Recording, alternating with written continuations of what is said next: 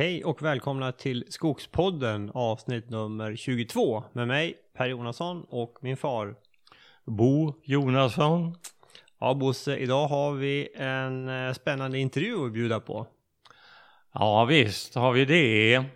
Mm, eh, det här avviker lite grann från det mönster vi brukar ha i podden eller har haft många gånger med jordnära skogsskötsel på egen skog.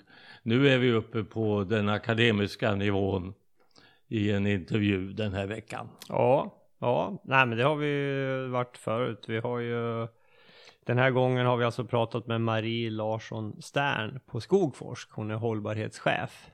Vi har ju pratat med en kollega till henne tidigare. Jag tänker på Märta Wallgren i avsnitt eh, nummer två. Pratar vi betesskador. Ja. Mm.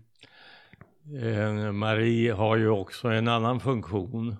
Just det, hon är ju ordförande i Skogsstyrelsens styrelse. Vilket gör henne väldigt eh, inflytelserik ska man väl kunna säga. Hon är central gestalt i svensk skogsbruk. Ja det är hon. Det är hon. Och eh, mycket kompetent sådan också. Gjorde ett väldigt bra intryck tycker jag. Alltså, det, det känns väldigt bra. Men Bosse, innan vi hoppar in på dagens avsnitt så ska vi slå ett slag för vår sponsor Husqvarna. Husqvarna är som ni känner till den ledande tillverkaren av utomhusprodukter såsom motorsågar, röjsågar, häcksaxar, gräsklippare i olika modeller och även trimmers.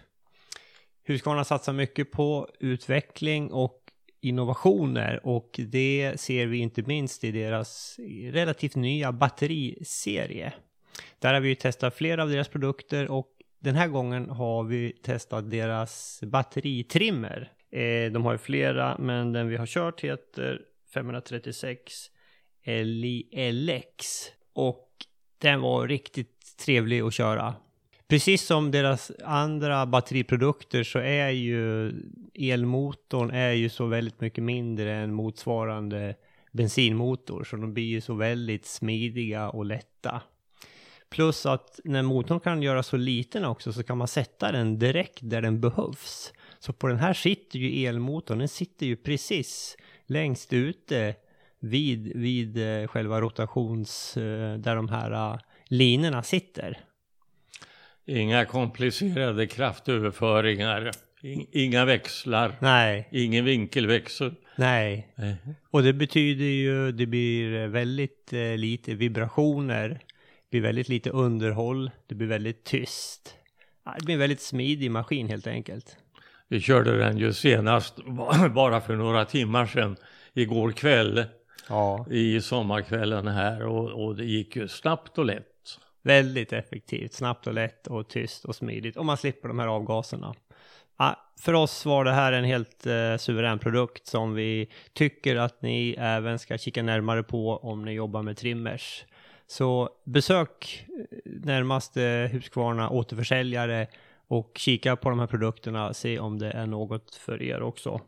Vi, vi använder ju, som batteri använder vi deras stora ryggbatteri som heter BLI 940 X. Det är på 26 ampere-timmar. Då kan man hålla på och trimma rätt länge. Ja. Man kan då hålla på tills man blir trött. Ja, det, det, så är det nog. Ja, kika in på de här produkterna, se om det är något för er. Bosse, ska vi hoppa in och lyssna på intervjun med Marie? Låt oss göra det. Hej Marie och välkommen till Skogspodden. Tack, tack. Eh, du kan väl börja med att berätta lite grann om dig själv och din bakgrund? Ja, jag är eh, född och uppvuxen på en liten gård i, mitt i mörkaste eller ljusaste Småland, hur man nu vill se det. Ja. Eh, och jag är jägmästare. Eh, och har jobbat eh, dels på, inom skogsvårdsorganisationen för länge tillbaka. Mm. Jag har jobbat ganska länge också inom Assi Domän och Sveaskog. Ja. Och eh, nu senast då så är jag inne på mitt femte år här på Skogforsk. Ja.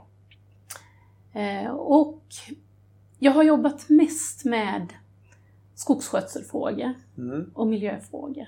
Ja. Det är det som har varit eh, min röda tråd kan man säga genom. Just det. Och nu är du hållbarhetschef Ja. på Skogforsk. Vad, in, vad innebär det? Ja, det innebär att jag försöker belysa och lyfta fram hållbarhetsfrågorna på ett tydligare sätt i vår forskning framför allt. Mm. Och det är väl så att eh, den forskning vi bedriver den är väldigt eh, hållbarhetsinriktad. Men vi är inte så duktiga på att uttrycka det. Nej. Det tycker jag gäller ganska generellt när vi pratar skogen och skogens produkter. Att det är så självklart att det här är, har bra nytta på olika sätt. Ja. Men så för min del handlar det om att lyfta fram, pusha att vi ska få in de här aspekterna i våra projekt till exempel. Ja. Eh, Men också att eh, göra en redovisning som eh, kopplar till hållbarhetsaspekter. Mm. Så det jag har gjort rent konkret är att jag har ehm, ehm, valt att göra en redovisning eh, kopplat till någonting som kallas för Global Reporting Initiative, GRI. Som alla företag från och med i år måste göra om de har mer än 250 anställda. Ja, ja. Det har inte vi, men, men det känns ändå som, eftersom våra, våra partnerföretag måste jobba med de här frågorna, så kände vi att ja, men då kan väl vi också försöka Mm. göra det. Mm. Ja, just det. Så det handlar om att ta fram vår värdekedja, att vi får finansiering, eh, att vi tillsammans med finansiärer, andra forskare och inom, inom Skogforsk och externt och kommer fram till bra idéer som vi kan forska kring, ta Mm. fram kunskap som vi sen kan kommunicera med forskarsamhället och övriga samhället det. och skogsbruket som sånt. Då. Ja. För det var egentligen min nästa fråga. Där. Alltså, vad är Skogforsks huvuduppgift? Vår huvuduppgift, ja, det är ju att bedriva forskning som är till nytta för, eh, för samhället. Mm. Alltså att verkligen, verkligen eh, den, den forskning vi bedriver eh, är lönsam, är bra för miljön, sociala värden och att det kommer till nytta ut i samhället. Ja. Men givetvis så, så kräver det att vi har ett eh, lönsamt och bra skogsbruk. Ja, just det. Hur jobbar ni med att föra ut då er forskning till till exempel det, det privata skogsbruket? Så vi, vi satsar ju mycket på eh, kommunikation generellt. Eh, Det är liksom en ledstjärna för oss. Att Ja. det vi forskar kring, dels är det ju tillämpat det vi gör. Vi håller inte på något mycket med grundforskning. Nej. Utan det är tillämpad forskning. Och ambitionen är ju att det här ska komma ut i samhället och till nytta i skogsbruket så fort som möjligt. Gör det Men det är inte alltid så lätt. Jag tänkte säga, gör det det liksom, i tillräckligt hög eh, Alltså- utsträckning? Vi har ju många exempel på forskning som vi har, alltså resultat vi har fått fram som dröjer 15 år innan det kommer i tillämpning. Alltså det, Ja. det är ju viss, viss tid det tar naturligtvis. Ehm, och det gäller kanske framförallt när det är teknikutveckling och sånt där. Ja. Men vi jobbar med, alltså man kan prenumerera på våra resultat på nätet. Vi har Mm. slutat med pappersinformation så, men man kan prenumerera på det. Man kan då prenumerera på ett sådant sätt så att man eh, sorterar ut vilka områden man är mest intresserad Ja. av och så. Ja, då får man utskick när, när ni Ja, publicerar något. Precis. Mm. Och sen kan du ju samtidigt då eh, gå in på nätet och söka om allt möjligt. Ja. Men, eh, och det gäller ju generellt, men det, det är ju ganska inriktat mot de som håller på med skogsbruk. Mm. Eh, sen har vi någonting som heter skogskunskap. Ja, Eh, gamla kunskap direkt. Just det. Mm. Och det är ju väldigt eh, förhoppningsvis väl anpassat Ja. för eh, skogsägare och andra som har intresse av en specifik fråga. Just det, ja, där finns ju väldigt mycket. Ja, Vi, vi lägger några länkar på vår hemsida. ja så kan det vi... är jättebra. Ja. Ja. nej, men det känns ju, och det känns väldigt uppskattat. Ehm, och det görs ju tillsammans då med Skogsstyrelsen och. LRF Skogsägarna. Ja. Men eh, det här var ju bara ena hälften. Sen har Mm. du ju ett, mycket, var ju ett eh, tungt eh, jobb i, i en annan eh, del också. Mm. Berätta om det. Då menar du Skogsstyrelsen Ja men precis, du är Ja. ordförande i Ja. Skogsstyrelsen. Jag skulle kunna drista mig att säga att eh, du måste vara mäktigast i Skogssverige. Det Har den mäktigaste eh, positionen. Jag har i alla fall en väldigt intressant rolig och inspirerande Ja. eh, position där tycker jag. ja. Och visst, alltså, det är ju jätteviktiga frågor. Och det är ju hela styrelsen och även, även du och ja, även Herman Sundqvist är ju relativt nya. Ja. Det är egentligen jag som har varit med sedan tidigare, några år. Ja, ja. Men de andra är faktiskt nya. ja.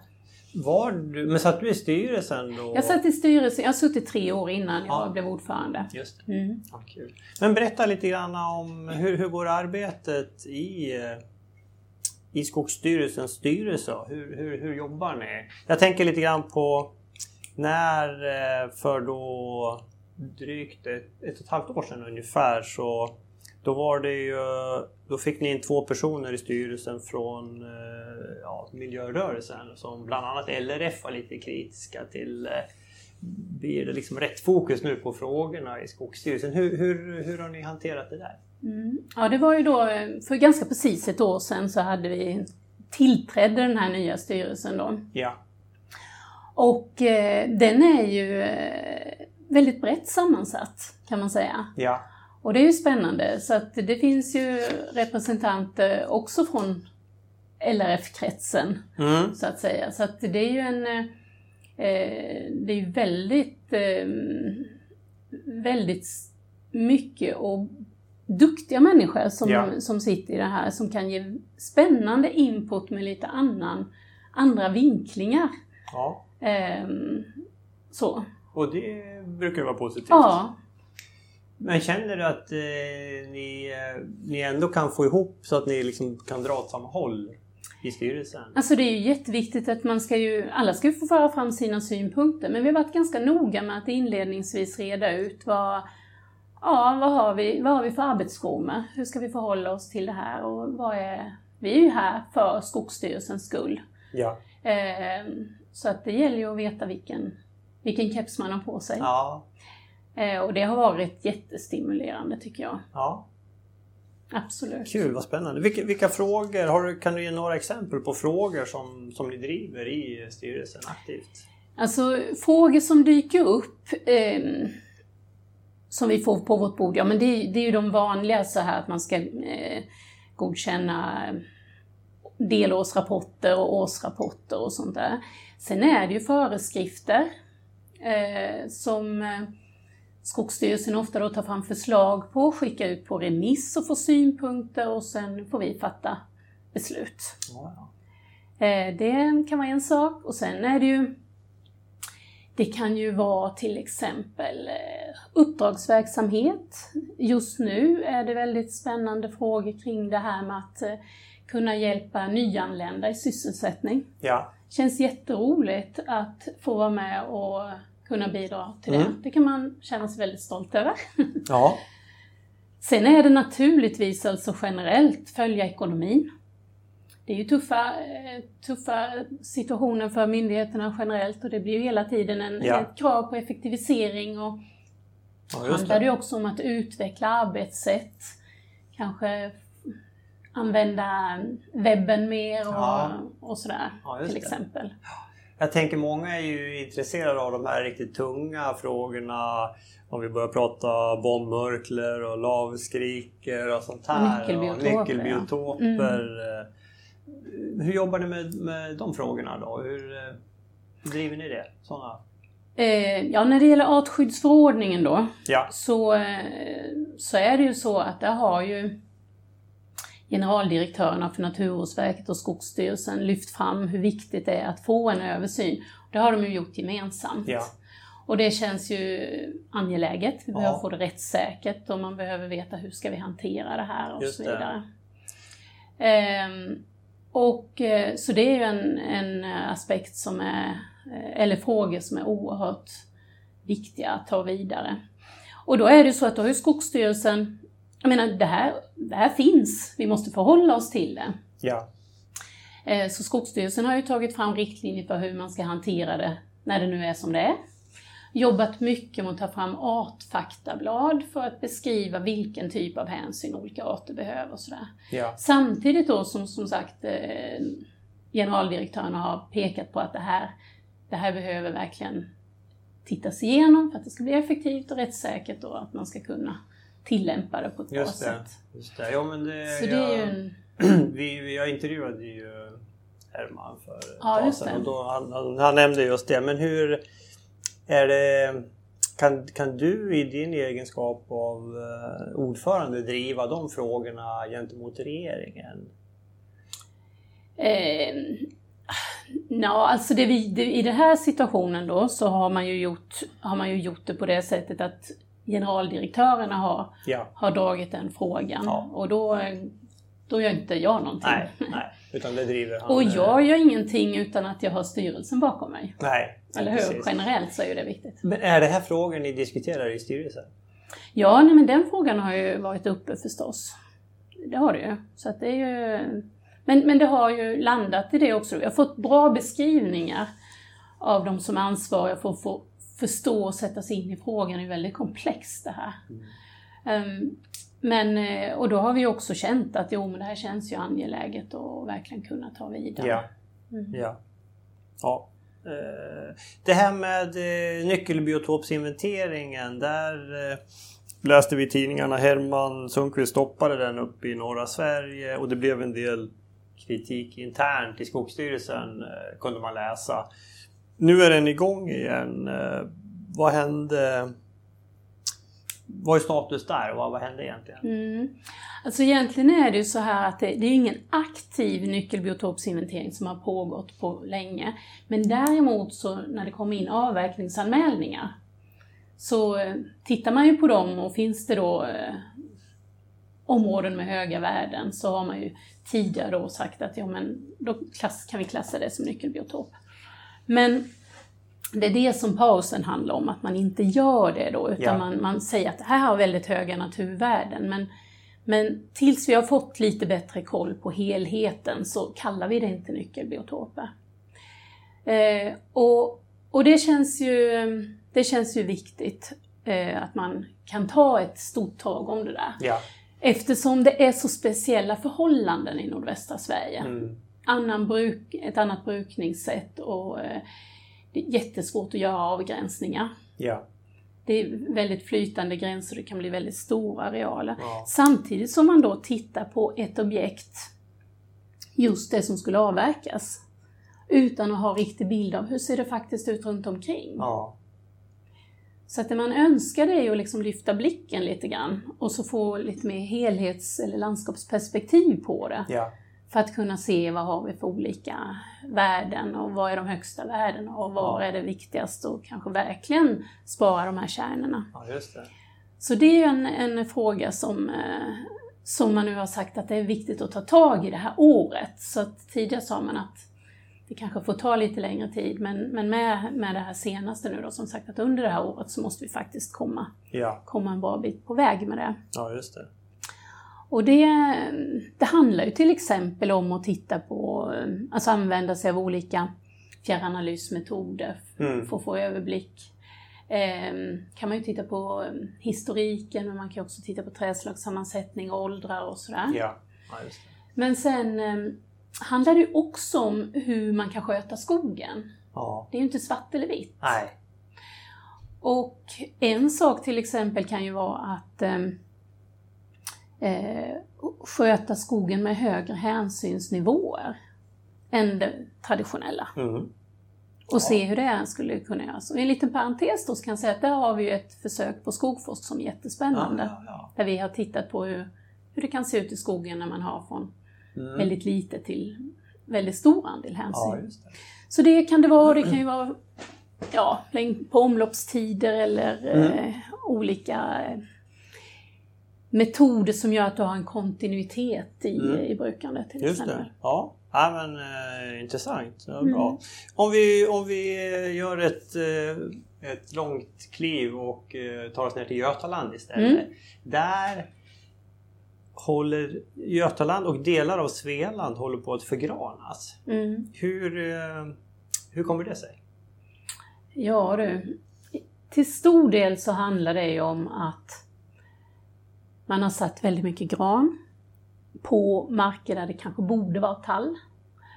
Eh, Och framförallt då i sydöstra Sverige är ju det här ett bekymmer där, eh, där granen, alltså granen har ju har ju mer problem med torrperiod än vad tallen har. Just det. Men varför, eh, vad är, vad är grundproblemet anser du? Att man planterar gran istället för anlägger tall? Alltså jag... Det stora problemet är ju att man ser att man får för mycket viltproblem.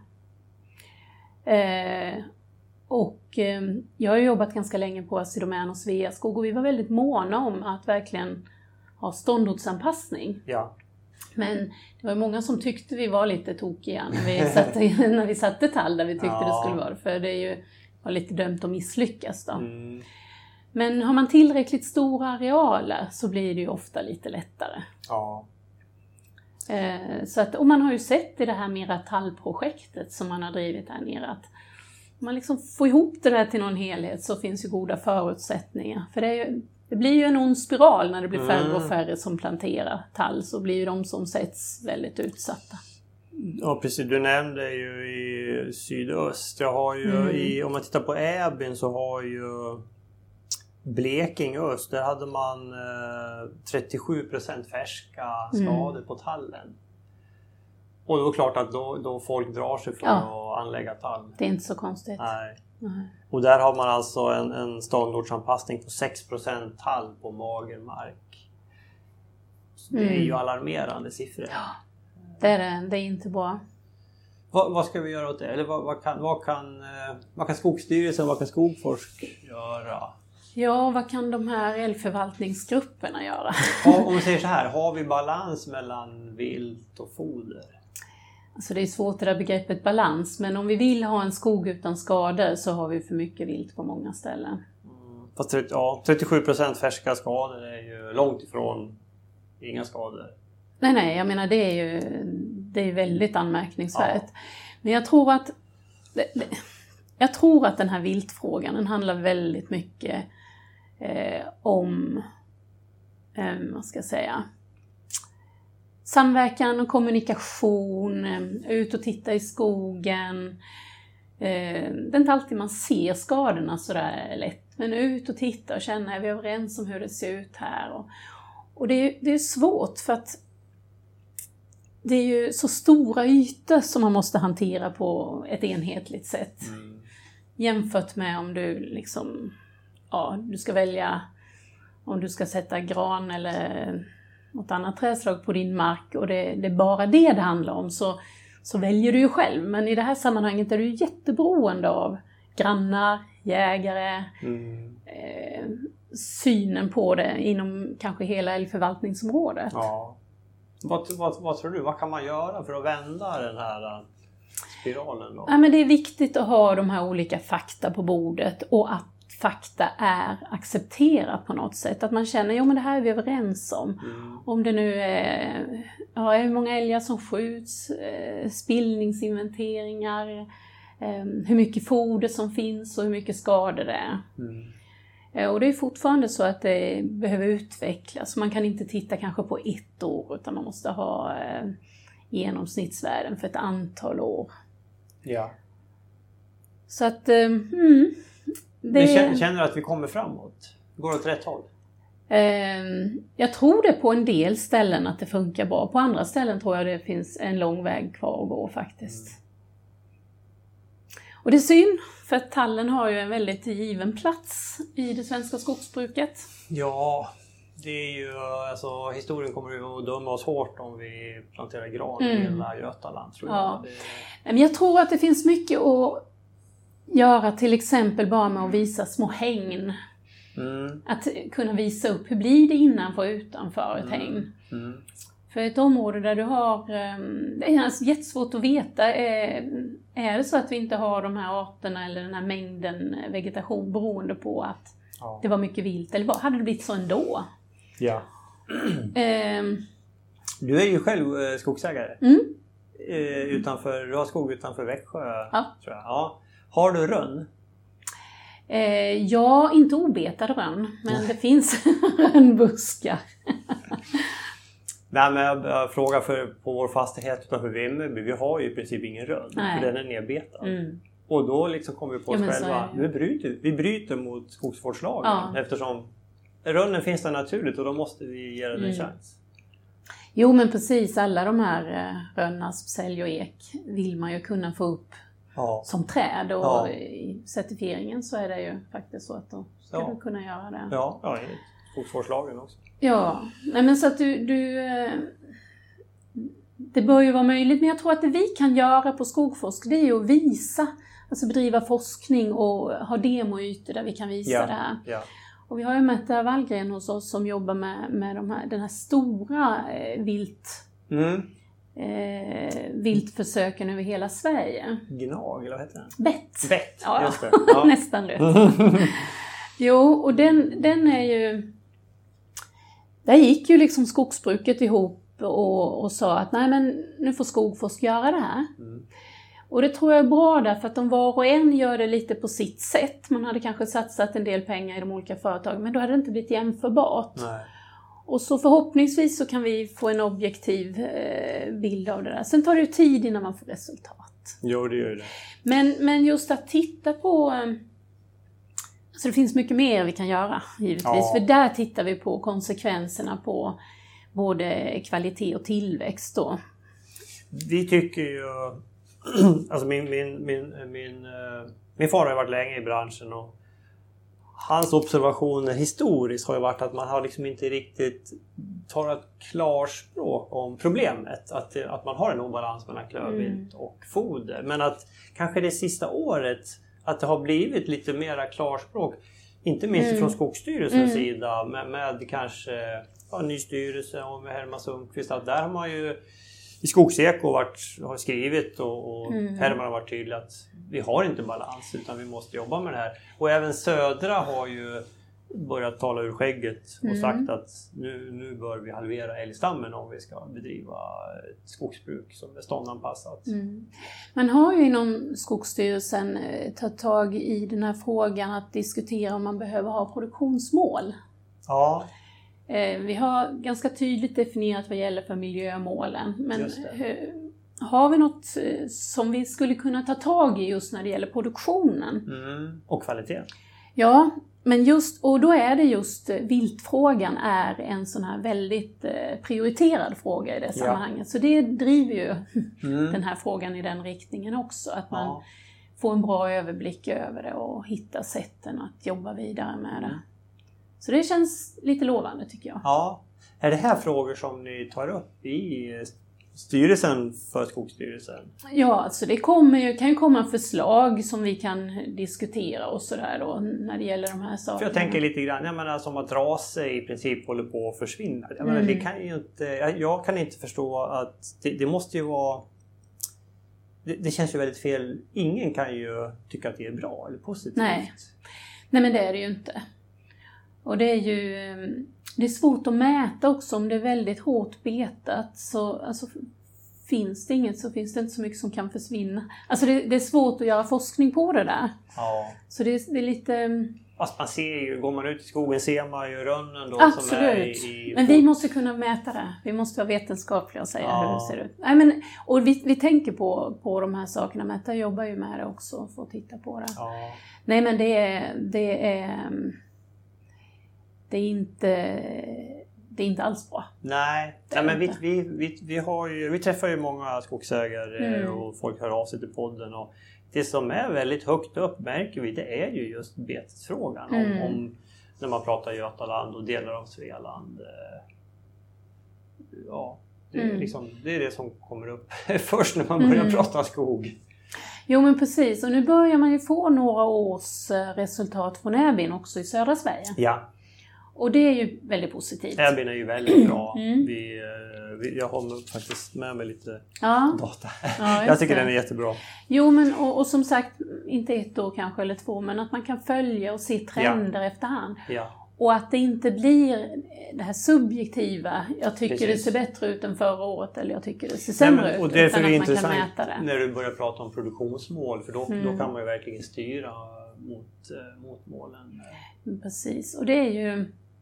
För det, det är inte alltid... Alltså bara titta ut över ett grönt fält i slutet på sommaren, då kan det se ganska bra ut. Ja, jag håller med. När man måste, eh, går man ut och röjer och väljer huvudstammare då, Ja, då ser man, då ser man ju det. tydligt. Mm. Men om man bara liksom går igenom så ser man inte. Men det är det jag menar lite grann med att visualisera eller med att eh, vara ute och titta och verkligen få kläm på hur mycket skada är det här. För, att, för det är ju också det att eh, även om det reparerar sig i de fall det gör det så finns ju skadorna där inne. Jag tror eh, en egen teori är och nämligen alltså den här älgförvaltningsstrukturen vi har. Mm. Och där, där har man ju i, på EFOT sitter ju sex personer i styrelsen Mm. varav tre markägarrepresentanter och tre jägarrepresentanter. Mm.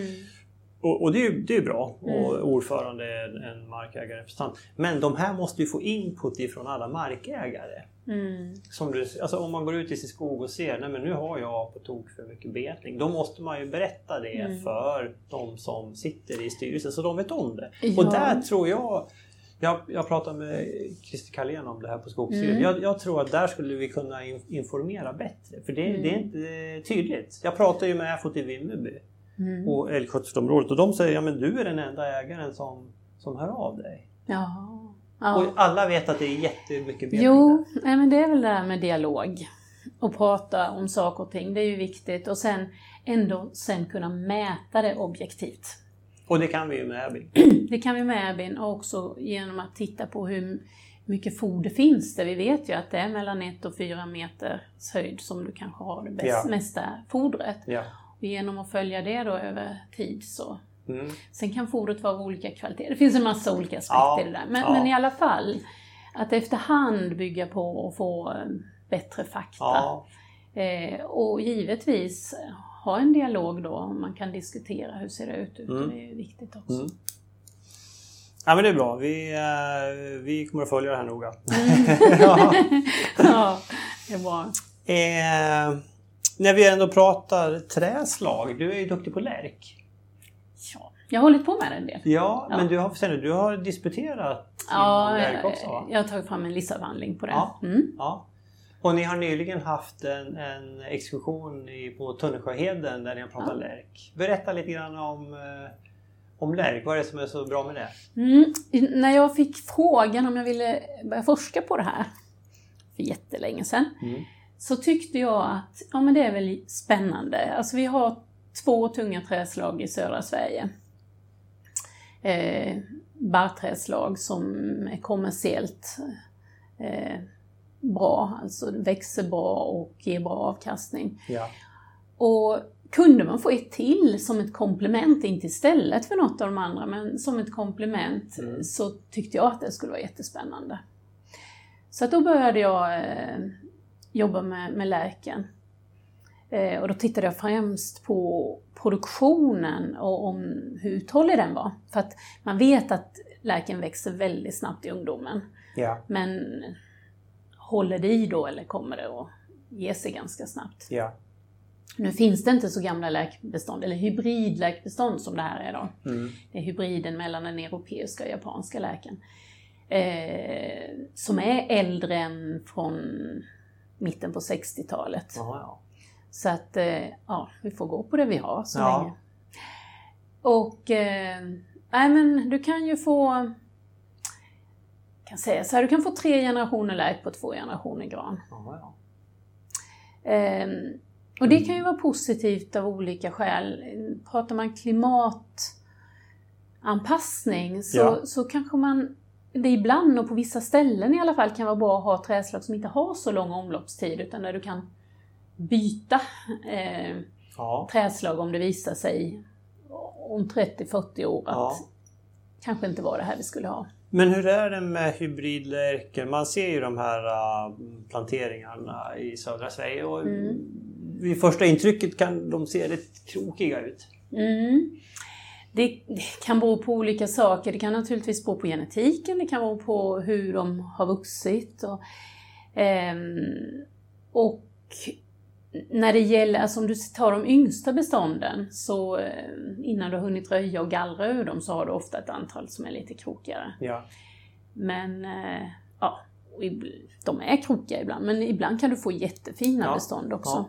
Sen är det så att i den svenska eh, största plantagen som heter Maglehem, där har man plockat bort någon av de här individerna som faktiskt var krokig. Ja, Så, så jag tror att det här materialet är lite bättre Ja, nu än det har varit längre tillbaka. Hur är det med sibirisk lärk då? Eh, sibirisk och europeisk lärk har väl rykte om sig att växa rakare. Eh, den sibiriska lärken eh, är ju inte så testad i södra Sverige, Nej. men den är ju eh, mer och börjar bli väldigt eftertraktad i norr. Mm. Många som vill eh, testa det i alla fall. Ja, för där kan man nästan inte ha hy- hybridlärk va? Nej, Nej. Det, är för, det är för kallt. Ja. För- Var går gränsen? Ja, alltså man säger att eh, erfarenhetsmässigt så säger man att eh, den japanska lärken klarar klimatzon 2. Den europeiska 4 någonstans. Ja, så- Och så har du hybriden någonstans mittemellan. Mm. Och så den sibiriska klarar det som är kallare. Ja, ja. Helt enkelt. Mm. Ja. Just det. Ja. Men eh, sen är det ju lokalklimatet spelar stor roll. Det stora problemet är nog egentligen att hybridlärken växer ju väldigt snabbt. Ja. Men det beror ju delvis på att den utnyttjar så lång tid av eh, växtsäsongen. Ja, ja. Och då utsätter den ju sig för frostrisk till exempel på hösten där som, som Och- den inte har hunnit invintra innan frosterna kommer. Så. Och kanske nu på våren också om Mm. den sätter fart för tidigt. I, Kan i, i år till exempel eh, Mm. har vi fått några bakslag. Ja men precis. Nej, men så det kan vara en eh, det kan ju vara en, en anledning. Så. ja, ja. Men eh, Men det här är någonting du tror man ska satsa lite grann på? alltså det måste man bestämma sig för själv vad Ja. man tror. Men, eh, Jag har sött lärk, ja, för jag tycker det är kul. ja. Och i samband med, vi har haft två stycken sådana här läkexkursioner i Tönneskeden som båda fulltecknas ganska snabbt, vilket ju visar på att det finns i alla fall ett intresse och mycket frågor kring det.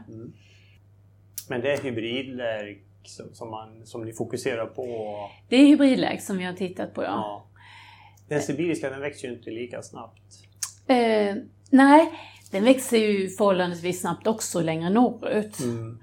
Eh, sen tycker jag det skulle vara jättespännande med europeisk lärk i södra Sverige, men anledningen till att man inte har det, det är ju att den eh, den gick ut i princip beroende på lärkräfta. Den är så känslig mot det. Ja, ja. Det. Men det finns, det beror också på var, var läkmaterialet kommer ifrån. Ja. Så att det, det är lite sånt som testas nu att det ska kunna bli. Det är ju ett väldigt vackert eh, trädslag. Eh, just kopplat till de här exkursionerna så gjorde vi enkätundersökningar. Ja. För att höra lite vad man hade för erfarenhet av läk och varför man odlar läk och så. Och en spännande eh, eh, sak som kom fram där tyckte jag var att man tryckte på odla glädje. Ja. Att det är roligt att odla läk för att den växer så pass snabbt. ja. Eh, och eh,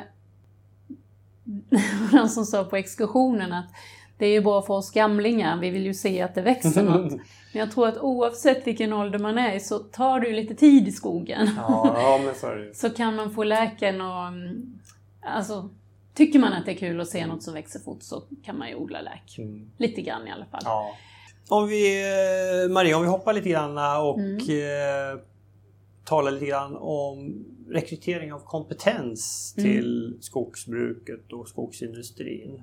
Hur går dina tankar där? Eh, Har vi, klarar vi av att rekrytera tillräckligt kompetens? Är det tillräckligt attraktiva arbeten och, och karriärer vi kan erbjuda? Det här är en jättestor fråga för, för de gröna näringarna generellt tror jag, men Mm. det är skogen som jag ser lite mer då. Och det är ju ett... Det är, det är svårt att få mm, de som vill forska inom skogshushållningsfrågorna. Ja. Eh, och eh, det är svårt att få in på utbildningarna, alltså eh, man säger grundutbildningarna. Eh, så att alla, alla möjliga eh, grepp för att verkligen utveckla det här är ju viktigt. Ja. Det har ju varit någon grupp på KSLA till exempel som har jobbat med, med skogskompetens och hur det eh, behöver utvecklas. ja. Och könsfördelningen? Ja, jo men det är ju också en jätteviktig fråga generellt att man eh, att det blir fler tjejer Ja. eh, och eh, fler, alltså jämlikhet, att det kommer från andra ja. kulturer och så också. Mm. Eh, och det är ju lite spännande kanske med det här om man kan få in nyanlända i, på det skogliga området. det är ju faktiskt... Nyanlända kvinnor, då tar vi två minoriteter på Ja en men precis. Så det, nej, men, så att, nej, men det är en jätte, jätteviktig fråga. Mm. Och nu drar det igång en ny forskarskola faktiskt i skogshushållning Okej. på SLU. Och vi har en, eh, en satsning i södra Sverige för skogsskötsel, utveckling i södra Sverige med eh, där ambitionen är att få in eh, sex stycken eh, doktorander. Mm. Där vi jobbar tillsammans då mellan eh, Linnéuniversitetet och SLU-alerna på Skogforsk. Ja, ja. Kul. Något som kallas för FRAS. Ja, ja, ja. Mm. ja. Jo men det känns kul för jag tror att det är också viktigt att det kommer några samtidigt så man Mm. inte blir för ensam i det här. Just det. Nej, men jag, jag går ju lite kurser på Linnéuniversitetet Mm. och det, det är kul. De, är, Mm. de, de börjar ju liksom komma upp som, en, som ett alternativ till, till SLU eh, känns det som. Ja, och komplement i alla Ja, fall. Alltså ja. det, det, är, det är viktigt tror jag att man hittar lite olika Ja, eh, Lite olika utbildningar som nischer passar och- lite olika människor och Mm. passar folk över landet och sådär. Nej, men jag har ju bara positiva erfaren- Mm. erfarenheter från Linné. Så det är skojigt. Mm. Eh, om det här med digitaliseringen då inom Mm. skogsbruket, hur, hur ser du på det? Gör vi... Kan vi göra mer? Ja. det var hela svaret. Ja. Nej men alltså det här har ju eh, exploderat kan man väl säga de senaste åren. ja. Eh, och eh, ja, det är ju all, alla data som finns i skogsmaskinerna, det är all, alla möjliga markvattenkartor, eh, eh, ja, all, allt möjligt, laserskanning och alltihop det här. Så att vi har ju hur mycket data som helst, det gäller ju bara att kunna använda det på ett bra Ja. sätt. Så att vi står väl där idag att vi har mycket att jobba med, men ser vi några år framåt i tiden så tror jag att vi säger att det här var nästa stora tekniksprång. Ja. För ja, det är ju tillämpbart liksom Ja. överallt på något sätt. Jobbar ni inom Skogforsk med något projekt för att liksom Ja, vi har driva det här Vi framåt? har eh, nu med, vår, med den här nya ramprogramsperioden så har vi en ny forskningsstrategi. Mm. Forsknings och innovationsstrategi och där har vi sex områden som vi har definierat. Ja. Eh, Det är förädling, skogsskötsel, driftsystem, värdekedjor eh, och sen har vi två, det är fyra program och sen har vi två processer. Ett som heter digitaliseringens möjligheter och ett som handlar om att kommunicera samhällsnyttorna i skogen. Kul! Ja, skojigt. Så att vi har verkligen sett att det här är ett område som behöver ha en egen process och eh, ja, det, det handlar om att väva ihop de olika programmen och processerna och verkligen se att, att man får med information i hela kedjan i skogen och sånt där också. Ja. För det är ju ofta ett problem som vi har, att man kanske inte lyckas få med sig informationen eller vi ser överhuvudtaget inte alltid på hela värdekedjan. Nej, nej. Ja. Så det är ju en sak och någonting som vi har jobbat jättemycket med där, det är ju markvattenkartor och minska körskadorna och sådär. Och det har ju eh, ja, utvecklat det på olika sätt och mycket då ren utbildning ut till entreprenörerna som, som uppskattar att ha de här kartorna i. ja. Och det är också ett jättestort planeringsstöd inför en avverkning. Ja. Det, kan- det kan jag intyga. Vi har använt eh, skog, det här Mina sidor som Ja. finns på Skogsstyrelsen Ja, väldigt mycket. Ja, men det är ju jättebra. Fantastiskt bra För att när du är ute så kanske det är ganska torrt. Ja. Och då ser du inte de här områdena där grundvattennivån faktiskt står rätt högt. Nej. Och när maskinerna kommer så är då var stickvägen tänkt på fel ställe. ja. Och kunna, precis, och, och kunna se volymer Ja, men precis. Allting sånt också. Och vi tror också att man ska kunna använda det för såväl för eh, eh, naturhänsyn, alltså vad är det stor sannolikhet att vi hittar områden med höga naturvärden. Mm. Eh, Ja, kanske också det här som vi pratade om med att lång kontinuitet, att det har varit gamla träden som finns på plats, det har funnits träd över lång Mm. tid. Men också när det gäller kulturmiljövård. Ja. För att där är det ju brister i eh, inventeringarna. Och eh, där behövs ju alla möjliga bra angreppssätt för att Mm. se hur vi skulle kunna eh, få bättre koll på eh, ja, så mycket som möjligt av den kollen innan vi går ut i skogen. Ja. Och där har vi eh, faktiskt haft ett par projekt Mm. eh, som, eh, som visar på en potential där. Mm. Ja, spännande. Mm. Du har ju också jobbat vet jag med det här med mål för skogsägaren. Och, och berätta lite grann om det. Hur, hur, eh, vad har du kommit fram till? Ja, alltså det är egentligen en, en em, kommitté som har funnits på KSLA, alltså Kungliga Skogs och Lantbruksakademin, eh, som handlar om skogsskötsel för olika mål. Mm. Och då har vi haft fokus på markägarens intressen och drivkrafter Ja. och försökt belysa eh, markägarens situation och allting som påverkar. Och, ehm, eh, och, och då tryckt också på att det är viktigt att man som markägare sätter sina egna mål. Mm.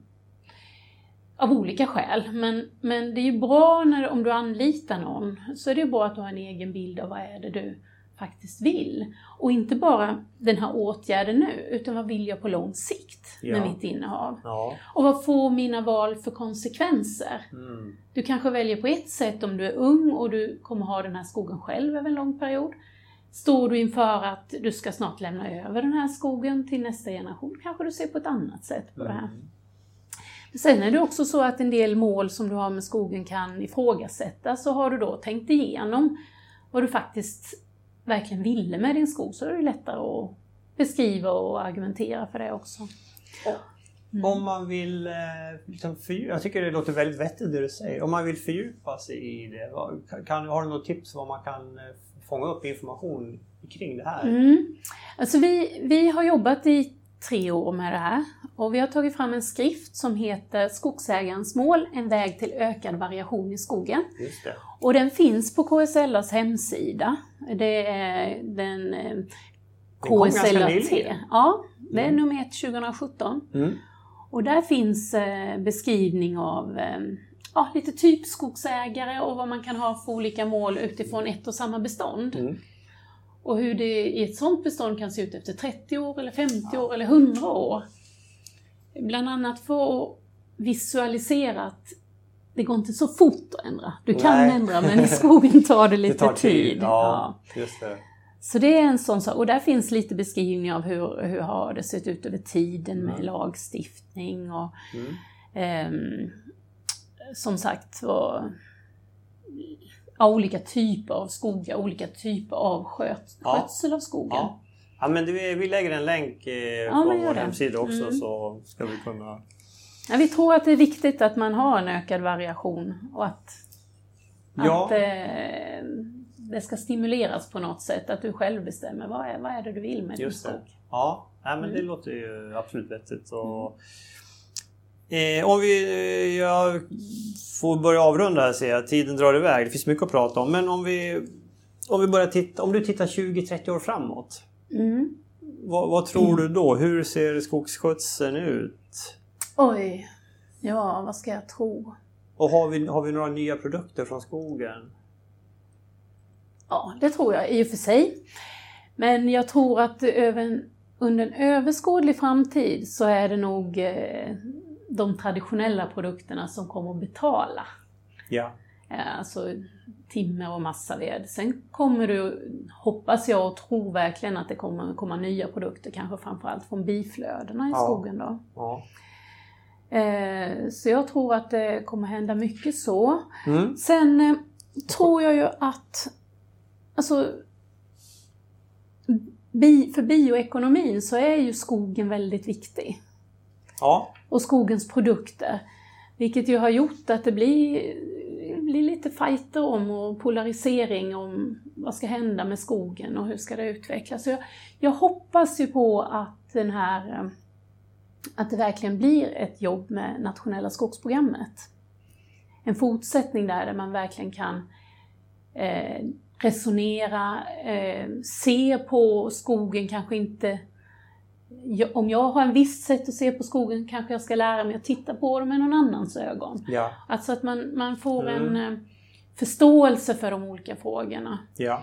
Men jag tror ju också att eh, de här globala hållbarhetsmålen, eller Agenda 2030 som det kallas i Sverige och som ju alla länder ställer sig bakom och jobbar med, så att de, Mm. att eh, de kan utgöra en grund för all hållbarhet, så att säga. För ekonomin, för det sociala och för miljömässiga. Att vi Tänk biologisk mångfald och eh, andra ekosystemtjänster, precis som vi tänker på den ekosystemtjänster som är vanligast i skogsbruket, nämligen virket. Då. Ja. Och då tror jag väl också att ska vi kunna få ut mer ur skogen så, så måste man titta på möjlighet att inom, på vissa områden kunna odla mer. Sätta större, alltså det finns ju visat att det går att odla mycket mer och det binder också mer kol och sådär. Ja. Ehm, och sen kommer det och att vara områden där eh, eh, dels sånt som ska avsättas men också sånt där markägarna själva inte är intresserade av virkesproduktion på samma sätt. Mm. Så att eh, jag tror att det är viktigt att låta alla blommor blomma. Ja. ja, men det var väl en bra eh, liknelse. bra. Och när du inte jobbar, vad gör du då, då för, att, för att koppla av? Vad gör jag för att koppla av? Ja, jag eh, jobbar ju här i Uppsala, men bor i Växjö. Ja. Eh, jag har en stuga på Öland. Där är jag väldigt gärna. ja. Cyklar lite racercykel om jag kan. Ja. Eller på min lilla fastighet. Eh, också roligt att vara. Just det. Vad, vad, vilken typ av sk- skogsbruk bedriver du där? Jo, men det är ju lite spännande för att eh, när vi köpte den där fastigheten så var den väldigt hårt avverkad. Så det är många som har sagt till mig, men det är väl kul för dig Marie, nu får du bara hålla på med skogsvård. så, så det är väl så. Eh, så där finns faktiskt ganska mycket självföryngrad björk, för att Ja. det har inte föryngrats. Men den kommer fint i och för sig, men Mm. Det är inte så mycket att göra åt. Nej. Sen har jag planterat en del eh, gran av bästa förädlade material, en del lärk och Mm. sen har jag lite kulturlämningar som är roliga att visa fram och sådär. Ja. Har du någon Ja. tall? Kanske en. Det är rätt hög bonitet så Okej. det är mer bok och sånt där. Okej, här är det bördigt. Ja. Ja. Okej, vad bra. Avslutningsvis Marie, vad vill du skicka med till Sveriges 330 000 privata skogsägare? Nu har du chansen. Nu har jag chansen och jag är inte förberedd. Nej men att de ska vara väldigt stolta, det är jag i alla fall, Mm. över att få jobba med en, en naturresurs, en förnybar råvara. Som så fort man avverkar den, så genom att skogsägare ju väldigt gärna vill se att skogen växer igen, så kommer den nya generationen skog att växa kanske ännu fortare. Mm. Vilka råvaror har vi det så med? Och det är så himla bra och roligt och det är verkligen någonting som jag vill skicka med att de ska vara stolta över. Det låter som en bra avslutning. Tack så mycket för att du vill vara med i podden Marie. Tack för att jag fick vara med. Ja, så där lät det. Ja, Ja, men jag tycker hon är ju, hon är ju väldigt kompetent, ger ett väldigt bra intryck tycker jag. ja. Nej, men, men hon har i- ifrån sin position i jobbet och i Skogsstyrelsens styrelse så har hon en bra utsiktspunkt Ja, det har hon. över svensk skogsbruk. Ja, Ja. ja. Och det är klart att det, det har ju sina utmaningar. Vi berörde ju några av de här med det är lavskrikor, det är bombmörklor, det är eh, viltbetning och så vidare. Men eh, ja, jag, jag känner mig trygg på att eh, Marie och, och styrelsen eh, jobbar aktivt med de här frågorna på ett, eh, på ett positivt sätt. Och nu är ju också, precis som vi konstaterade i intervjun, styrelsen består ju av representanter från, från flera olika läger. Eh, Skogsägarföreningar och även miljörörelsen. Och det som är, det jag har sett tycker jag i, i mitt arbetsliv är ju att får man, kan, får man ihop en grupp som är eh, heterogen, alltså olika, och man kan få ihop en grupp med olika människor och dra liksom åt samma håll, då kan det bli väldigt bra. Att, att sätta ihop en grupp där alla är lika, det blir aldrig speciellt dynamiskt. Nej, låter riktigt. Ja, ja så vi har ju stora förhoppningar på, på Skogsstyrelsen och, och ja, även på Skogforsk naturligtvis. Eh, så in och kika på Skogforsk hemsida. Deras forskning finns ju där, rapporter.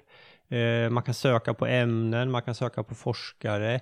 Man kan även prenumerera på den här, eh, en tjänst då, så man får uppdateringar när de släpper släpper forskningsnyheter. Tyvärr så eh, kostar det pengar, så det, ja, det tycker jag Skogårds kan fundera på om inte den tjänsten borde vara gratis för privatpersoner kan jag tycka. Så länge jag har sysslat med skogsbruk så, så har jag upplevt det så att det stora problemet är egentligen att få ut forskningen till de som verkligen behöver känna till den. Mm. Eh, att förmedla kunskap, Ja, det är svårt. ja, det ta, och det tar ju tid. Marie Ja. pratar ju om att det, det, det kan ju ta 15 år innan det når ut till eh, privatskogsbruket då. Ja, så lång tid skulle det inte behöva ta. Nej. Men, eh, men eh, det finns säkert exempel på det. Ja, ja men det, vi försöker ju sprida kunskap så gott vi kan. Ja, men jag tror där kan ju nog Skogfors fundera på och eh, den här tycker den här tjänsten borde vara gratis för eh, privatskogsbruket. Eh, visst, artiklarna finns ju där gratis, men just att få en uppdatering. Ja, men nu har det släppts en ny rapport här om viltbetning till exempel. Ja, men det vore ju klockrent. Mm. Ja. Mm. Ja, nej men in och kika. Vi lägger lite länkar också från vår hemsida skogspodden.se där ni har, eh, kan ni gå in och hitta Skogfors hemsida och hållbarhetsrapporten här som eh, Marie pratar om också. Och lite, Mm. lite annat material. Mm. Eh, du Bosse, på tal om eh, kunskap och poddar så har det startat en ny podd av eh, Södra. De är välkomna i etern. Absolut. Det är eh, Marcus Svensson som eh, driver den här podden. Som, den heter Skogen och framtiden. Och han har med sig också Göran Örlander och Mats Blomberg. Vi lyssnade, jag lyssnade på den där igår kväll och, och visst, det var intressant. Ehm, de eh, ägnar en väldigt stor del av sitt första avsnitt åt det här med älgbetesfrågan, alltså. Ja. viltskadorna. Ja. Så att eh, eh, vi, vi, jag tycker mig se lite symbolik i det där att det här är den viktigaste frågan. Ja. Ja. Och det är ju precis vad vi också tycker. Alltså. Så är det. Visst är det det. Så Och där det- är vi överens. Där är vi helt överens. Nej men det här, jag tycker det var en, eh, det var en jättebra podd eh, om skog och skogsbruk. Så in och lyssna på den. Ni hittar den på Podcaster och iTunes och eh, har ni en Android-telefon så hittar ni den på Acast också. Eh, så in och lyssna på den. Och eh, som sagt, pratar, de pratar mycket om viltbete i första avsnittet. Det jag skulle vilja kanske det jag inte håller med Marcus om, han säger vid ett tillfälle, det finns ingen att ringa. När det gäller det här med eh, hur jobbar vi med eh, balansen mellan eh, klövvilt och foder. Ja, men det, det gör det faktiskt, för det här är ju, vi har ju tidigare pratat om hur eh, älgförvaltningen fungerar. Och det är ju älgskötselområde som är en nivå. Sen nivån ovanför är ju älgförvaltningsområde. Och älgförvaltningsområdet finns ju tre markägarrepresentanter, tre jägarrepresentanter och ordförande är en markägarrepresentant. De här lyssnar in vad älgskötselområdena kommer med för input. Så om du som markägare ska vara med och påverka, då ska du prata med ditt älgskötselområde. Och, och naturligtvis dina markgrannar. Men prata med ordförande i älgskötselområdet. Du kan också prata med ordförande i älgförvaltningsområdet. Och, och säga att eh, vad man har då för, eh, om man tycker man har för mycket betesskador, då, då säger man det. Och det går man in och kikar då på ÄBIN på Skogsstyrelsen. Eh, man kan också prata med Länsstyrelsen. Varje länsstyrelse har en viltsamordnare. Jag har själv pratat med viltsamordnaren i, i Kalmar län. Och de är öppna, de tar gärna emot input. Det säger de det, ja vi lyssnar gärna på vad, eh, vad, vad folk eh, tycker och tänker där. Så det, det gör de gärna. Så det finns folk att prata med. Ja, det här med att plantera tall när det är ett hårt betestryck. Ehm, det går inte överallt. Det är i själva verket, tror jag, ganska små delar av Götaland där det överhuvudtaget är möjligt. Alltså. Mm. Därför att nära nog, eller en väldigt, väldigt stor del av de planterade tallarna, de blir grymt misshandlade av, av det vilda. Alltså. Mm. Och det här fenomenet det har vi med full kraft i vår omedelbara närhet här i Bergslagen också. Mm.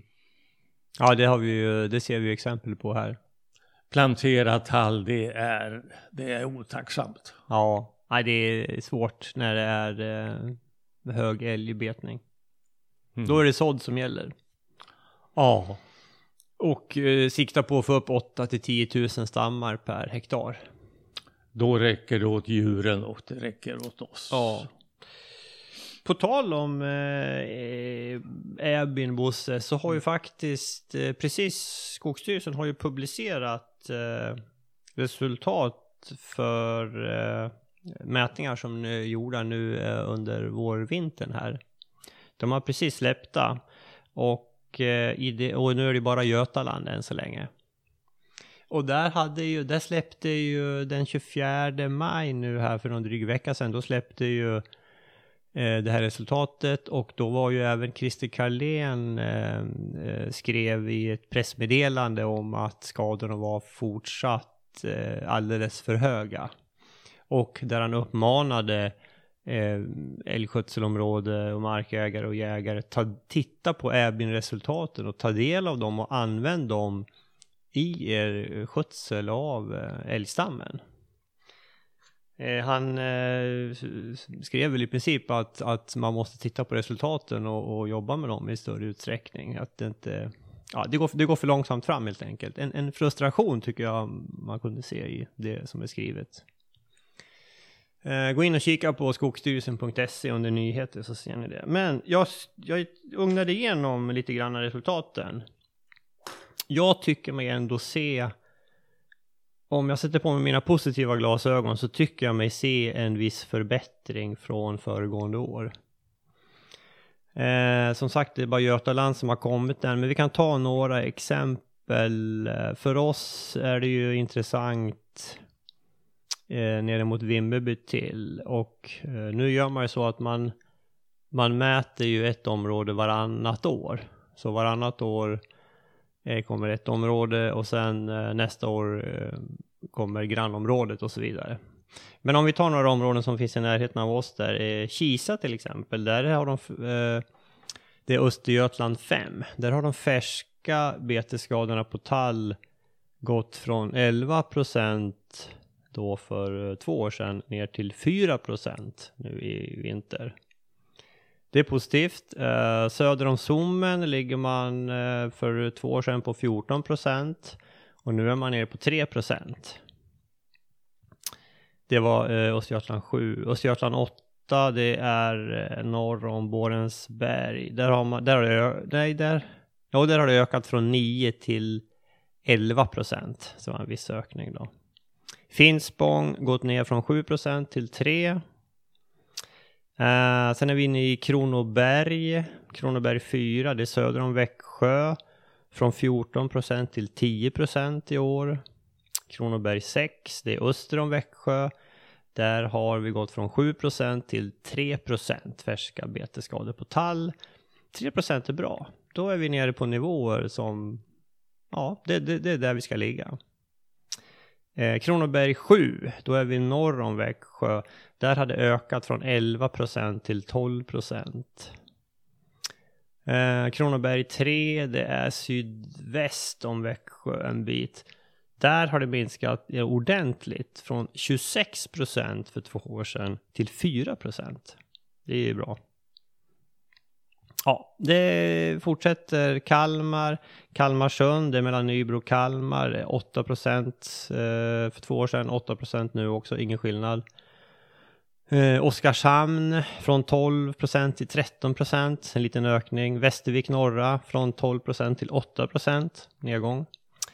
Eh, Västervik södra, det är intressant för det gränsar till där vi har mark då. Det här är vid Tuna och Totebo och precis eh, utanför Vimmerby där. Eh, Västervik Söder har gått från 14% till 9%. Ja, en Mm. liten nedgång. Mm. Ja, frågan är om den är eh, statistiskt Mm. eh, signifikant. Jag vet inte. Men det går åt rätt håll i varje fall. Mm. Ja, så där fortsätter det. Jönköping finns här också. Gislaved, Anderstorp, eh, det vill säga det är Jönköping 5 heter den tror jag. Eh, från 10 till 7. Ja, jag, jag tycker mig se en, en viss minskning. Eh, Det är inte det är inte jättebranta nedgångar förutom på några ställen och på något ställe har det ökat också. Men generellt tycker jag det ser lite bättre ut. Ja, man får ju onekligen det intrycket och vi hoppas på det här att få det bekräftat om två år. Ja, Att det, det är en nedgång. Det, det måste ju vara flera mätningar efter varandra. ja, ja visst. Ja, men så är det ju. Och vi Mm. får ju se. De gör ju en länsvis sammanställning sen. Den, den blir Mm. intressant att se. Och Ja. sen så får vi ju, eh, Svealand blir ju också intressant att se hur det ser ut. Det, dessa eh, mina resultat är ju väldigt intressanta. Och som jag kan tycka det är ju det, det första objektiva underlaget man har för det här. Så att eh, ur den synpunkten är ju situationen mycket bättre än bara för några år sedan. Då famlade vi ju i mörker när det gällde de här frågorna. Mm. Då var det mycket tyckande. Ja.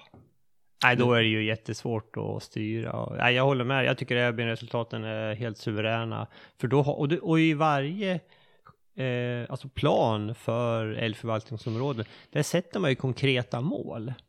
Jag har ju tittat igenom, de här finns på Länsstyrelsens hemsida, gå in och kika på dem. Och där står det ju ofta att man har satt 3-4 procent färska betesskador som mål. Och så länge man ligger över det så bör ju avskjutningen öka av älg tills man är nere på de här 3-4 procent. Kommer vi dit, ja men då kan vi få upp en fin eh, tallskog. Ja. Mm. Och då kanske rasen, alltså rönnen och sälj och ek eh, börjar bilda träd igen. Ja, visst, och parallellt med det här så sker det ju då en, en kan man ju förutse, en, en ändring av älgstammen med högre kalvvikter och högre re reproduktionstal. Ja, absolut. Större tjurar, större horn. Kalvvikterna håller ju på att bli väldigt låga i vissa områden. Men närmar sig rådjursnivån. Ja. Ja, det var det hela. Mm, Hade vi något mer Bosse? Eh, tiden har gått. Tiden har gått. Ja, Det blev ett eh, långt avsnitt för vi hade en eh, lång och spännande intervju med Marie Larsson Stern från eh, Skogforsk. Mycket intressant. Innan vi avslutar Bosse tycker jag vi ska återigen nämna vår sponsor Husqvarna. Där vi eh, rekommenderar att kika närmare in på deras trimmer. Vi har kört den, heter 536 LILX. Eh, för oss funkar den mycket bra. Kika in om den kan vara någonting för er också. Eh, jag kan tycka det här med röjning har plötsligt blivit en mycket mindre börda i, i skogsvården. För att med den här elsågen, elröjsågen, så blir eh, röjningen betydligt mycket lättare än Mm. vad den har varit. Mm. Jag håller med dig, alltså hela skogsarbetet har ju, jag tycker det har eh, blivit så mycket smidigare med de här batteriprodukterna. Vi kör ju mycket med motorsågar nu också, elmotorsågen och ja, enkelt, smidigt och tyst och man, man slipper ha det här uh, brummandet och avgaserna. Speciellt när det är lite varmt. Det är inte kul att, att stå som i en liten grop där och avgaserna börjar stiga upp liksom när man gasar på för fullt. Nej, kika in på de här. Vi tycker det här är bra produkter. Ja, Alright, men då sätter vi punkt där och eh, hör gärna av er om ni eh, om ämnen ni tycker vi ska ta upp. Vi har fått några tips här och det tackar vi för som vi håller på och, och bearbetar hur vi ska presentera det. En del ämnen är eh, enkla, en del är svårare. sprid gärna kunskapen om vår podd, att den existerar till, er, era, till era skogskollegor och andra som kan vara allmänt skogligt intresserade. Gör det. Bra, tack för oss och eh, följ oss gärna på sociala medier. Vi finns ju på Facebook och på Instagram och på Twitter. Och vår hemsida förstås, eh, skogspodden.se. Okej, tack så mycket. Vi hörs om tre veckor igen. Om tre veckor. Hej då!